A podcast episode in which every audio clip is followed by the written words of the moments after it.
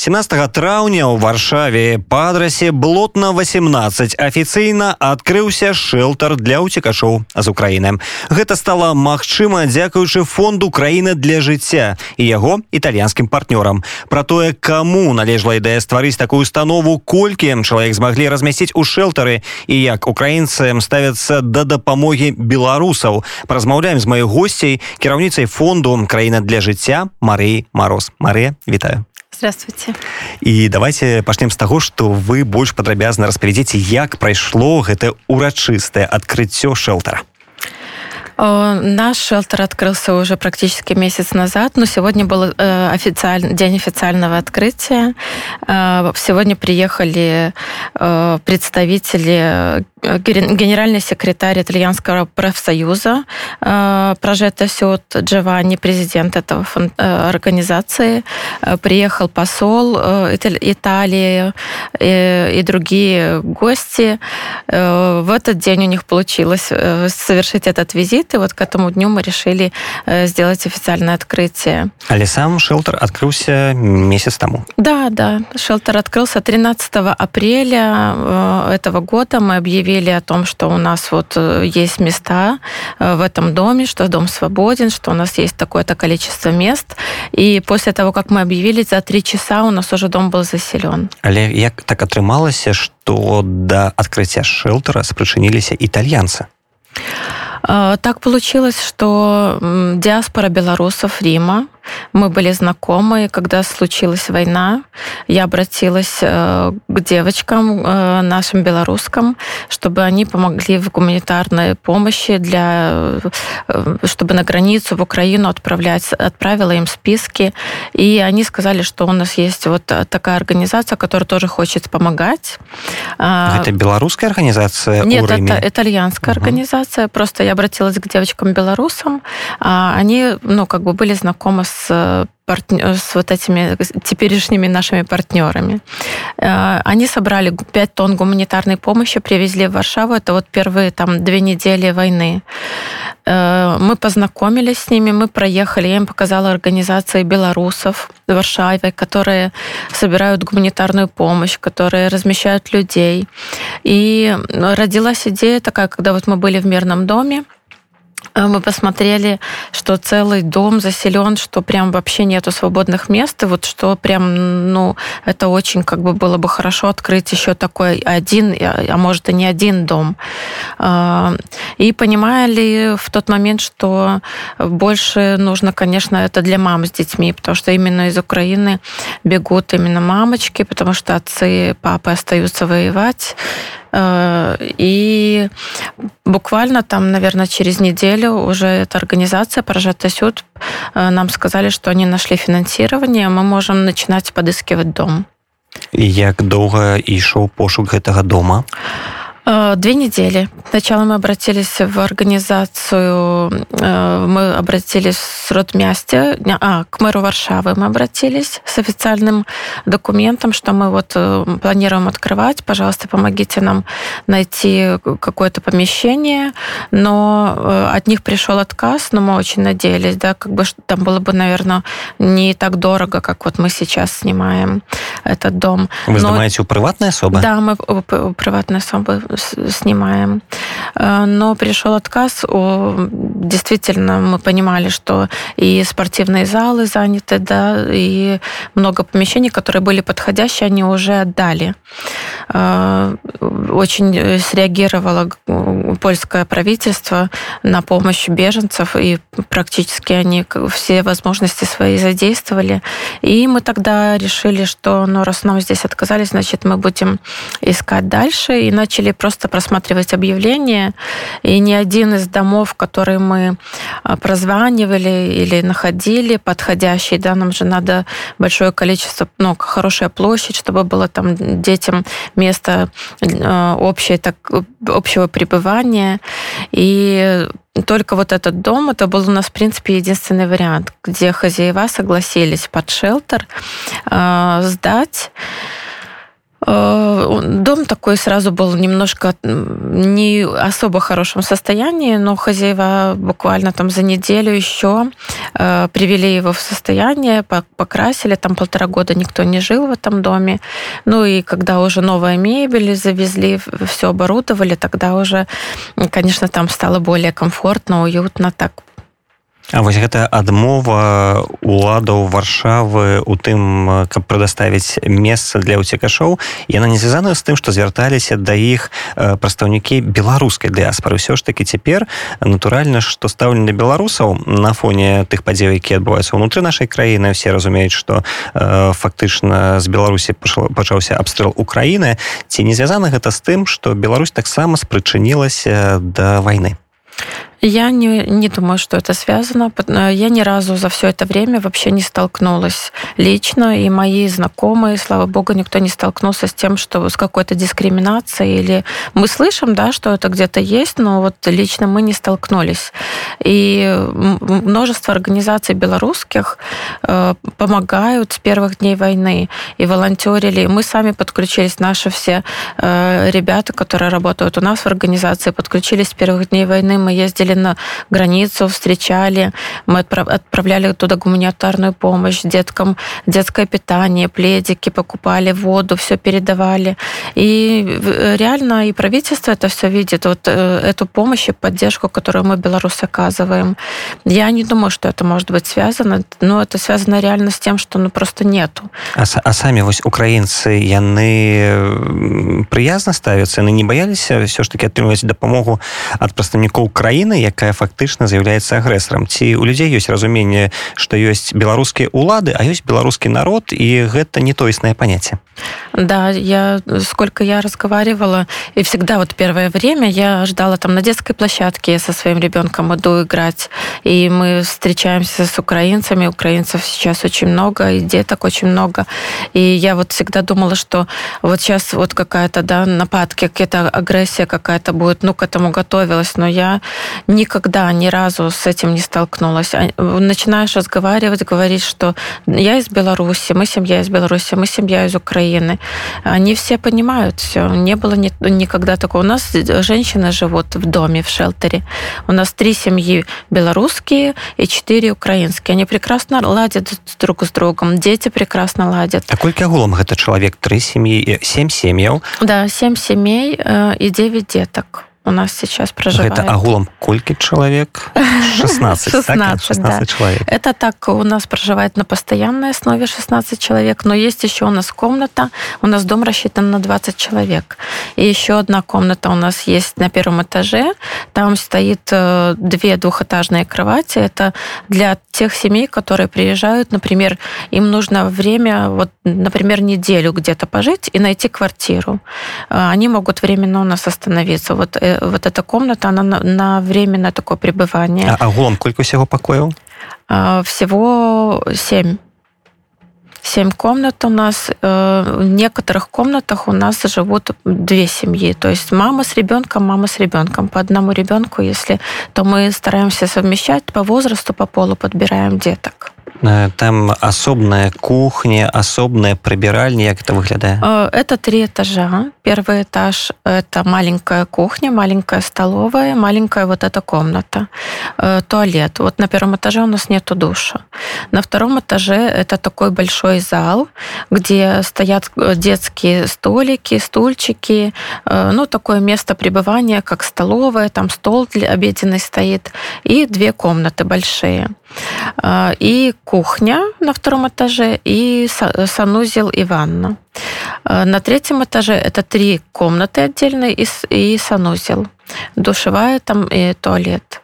То есть э, кухня у них получается у всех этих семей, они в принципе на втором этаже готовят себе кушать и там же обедают в этой большой комнате, где место пребывания для всех. ці быў нейкі адбор для тых хто хацеў патрапіць у шэлтар натуральна что семь сем'яў гэта не так шмат ахвочых значна больш вось як адбываўся гэты момант калі хацела больш людзей а атрымалася размясціць толькі такую колькасць все кто нам первые заявки отправил мы всех приняли единственное что мы не приняли одну семью в которой было четверо детей и мама и папа потому что изначально у нас правила заселения мы говорили с нашими партнерами что мы принимаем семьи, у которых, ну, мамы, мама приехала вот с детьми.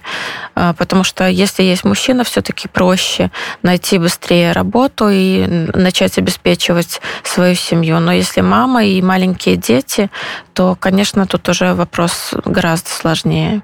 Э, тем более, насколько я знаю, ситуации этих семей, которые у нас живут, они ехали без вещей, они ехали без э, денег, без ничего.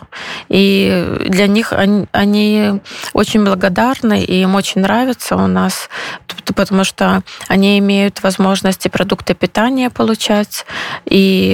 Это вы забеспечиваете, да, так? Да, да. Ну, и, конечно, э, самым необходимым, э, если они хотят там детям, например, там какие-то сладости, что-то еще, хотя и сладости мы тоже обеспечиваем, но не в таком, наверное, количестве. Это такое трехразовое харчевание, как это выглядит? Ну, э, мы покупаем раз в неделю продукты питания, такие основные базовые макароны, крупы, молоко, йогурты, твороги, ну, то есть вот такие вот основные продукты питания.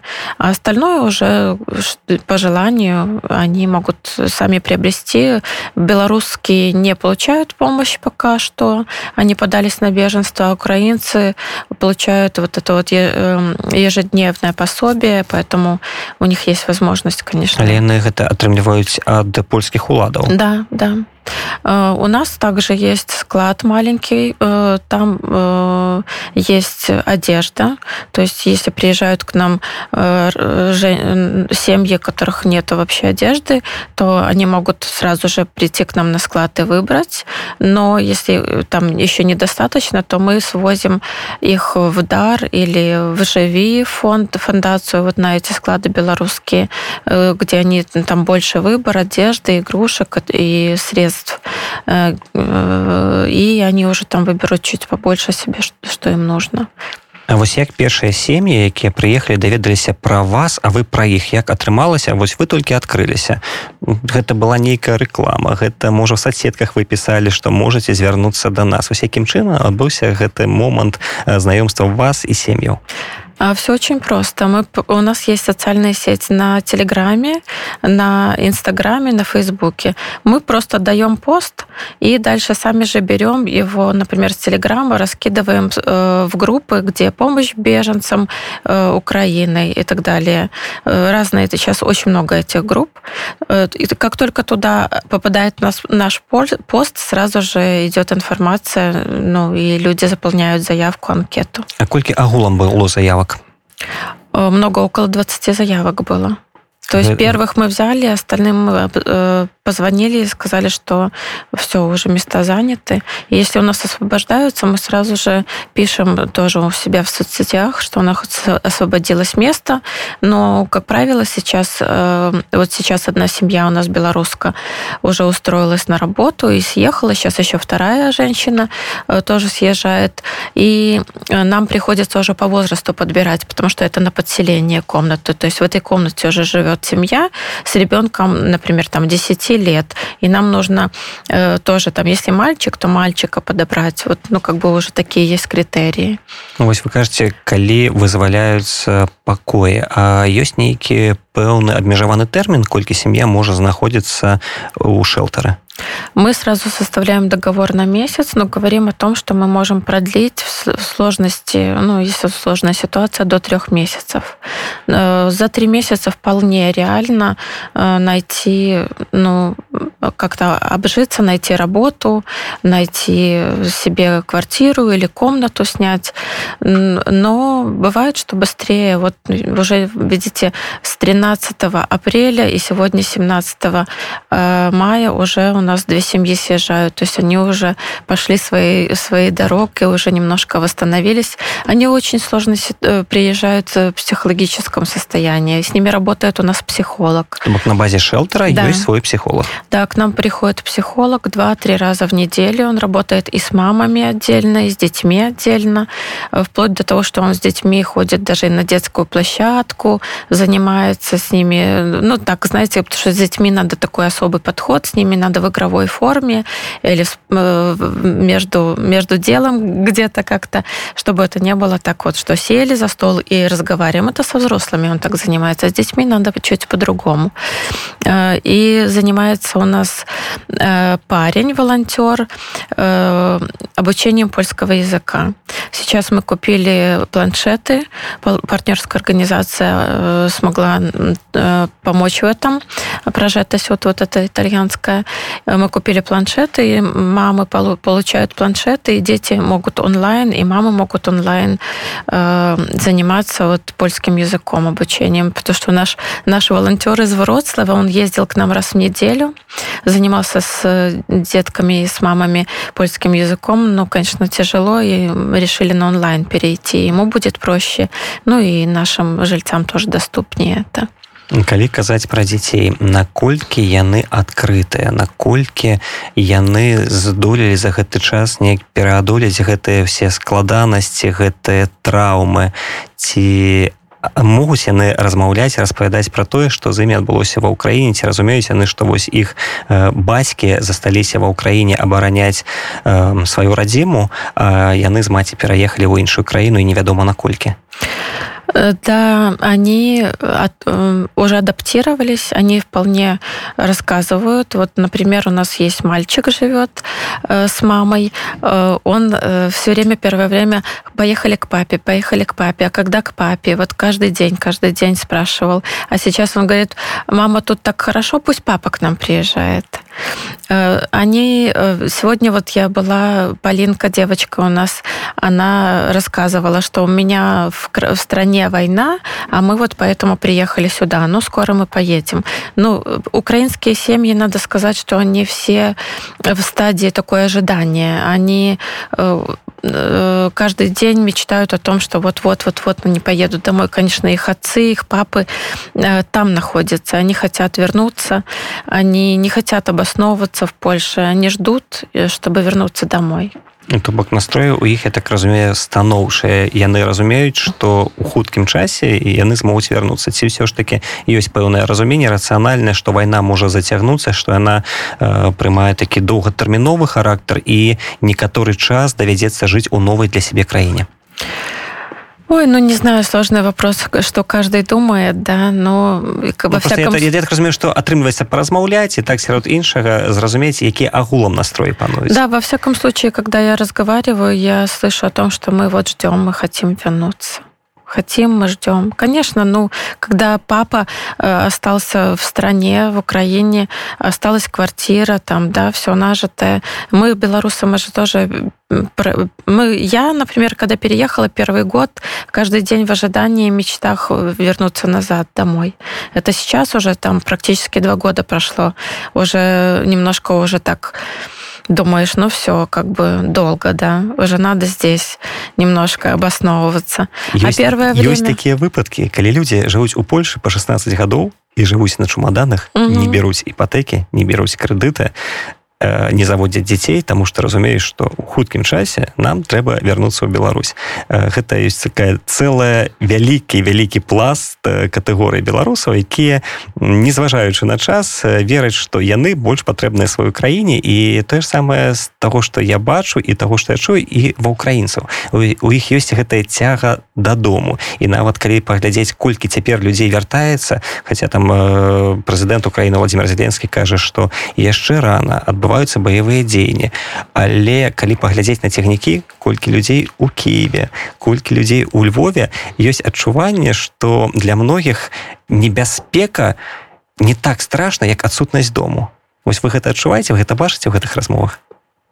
Ну, я бы не сказала прям вот, что Потому что мамы, которые... Вот у нас есть мама, которая дочку свою накрывала своим телом, когда была бомбежка.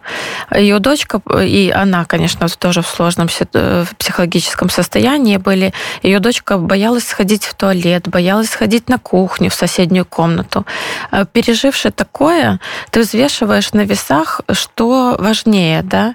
Все-таки психологическое состояние, когда потом детей лечишь после э, вот этого происшедшего, и неизвестно, когда это все восстановится, и когда это все забудется, и забудется ли оно, то, наверное, все-таки они уже, пережив такое, думают, э, что ну, лучше подождать, лучше переждать. Вот если холодным умом и здраво рассуждать, то действительно так все ж таки жанчыны яны больш рацыянальныя тому что яны адказваюць за, за сям'ю да. за дзяцей а мужчыны больш гарачыя і ты якія выехалі нават некаторы час пакінулі свае сем'і у бяспецы а самі вяртаюцца тому что часта і такія гісторыі здараюцца Да, да. Но белорусы, которые у нас живут, конечно, белорусские, они уже понимают, что, ну, в принципе, они второй раз бежали. Они бежали от режима в Украину. Вот у нас есть семья, которая бежала в Украину и в Буче э, арендовала квартиру, там устроилась на работу она э, в детский садик, уже отдали ребенка в детский садик. Муж устроился на работу, потом э, случилась вот эта война, они вынуждены были бежать, и муж сейчас ищет э, работу в Познане он находится, а она к нам приехала в шелтер, и они уже понимают, что им и домой в Беларусь никак, и в Украину уже как бы непонятно когда. Они уже понимают, что им надо в Польше как-то обосновываться, трудоустраиваться, устраивать ребенка. Э, в этом плане не знаю, легче, не легче, но хотя бы э, уже белорусы понимают, что ну вот, уже здесь надо оставаться. Украинцы, они в таком подвешенном состоянии. Интеграция, все ж таки новая мова, иншая культура.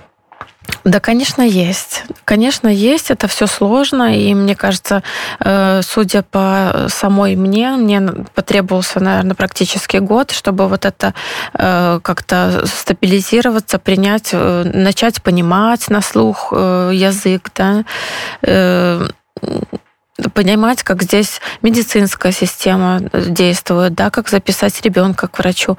Тут куча моментов, и это все, я представляю, им пришлось это пройти в Украине, там же тоже другая система.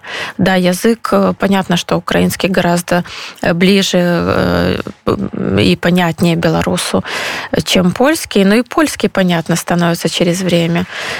То есть люди прошли такой сложный путь там, и сейчас проходят его здесь, это, конечно, вот поэтому и нужны такие организации, которые поддерживают, подсказывают, как юридически, как ребенка устроить, как э, где вещевую какую-то продуктовую помощь положить, э, получить, где там финансовую какую-то поддержку, как податься на беженство и так далее. Ну, у вас есть еще, кроме психолога и выкладчика польской мовы, некий человек, который занимается правовыми аспектами?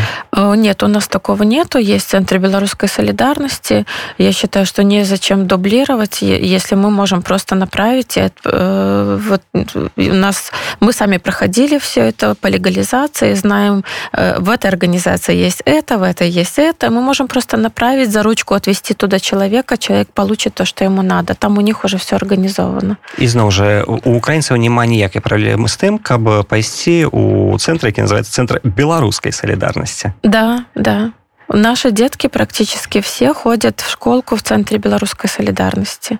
И благодаря этому наши мамочки могут вот до трех часов дня отвели ребеночка туда в школку, э, детки там заняты, им там очень нравится, и они могут и подработать, могут решить какие-то юридические свои вопросы, но у них появляется свободное время.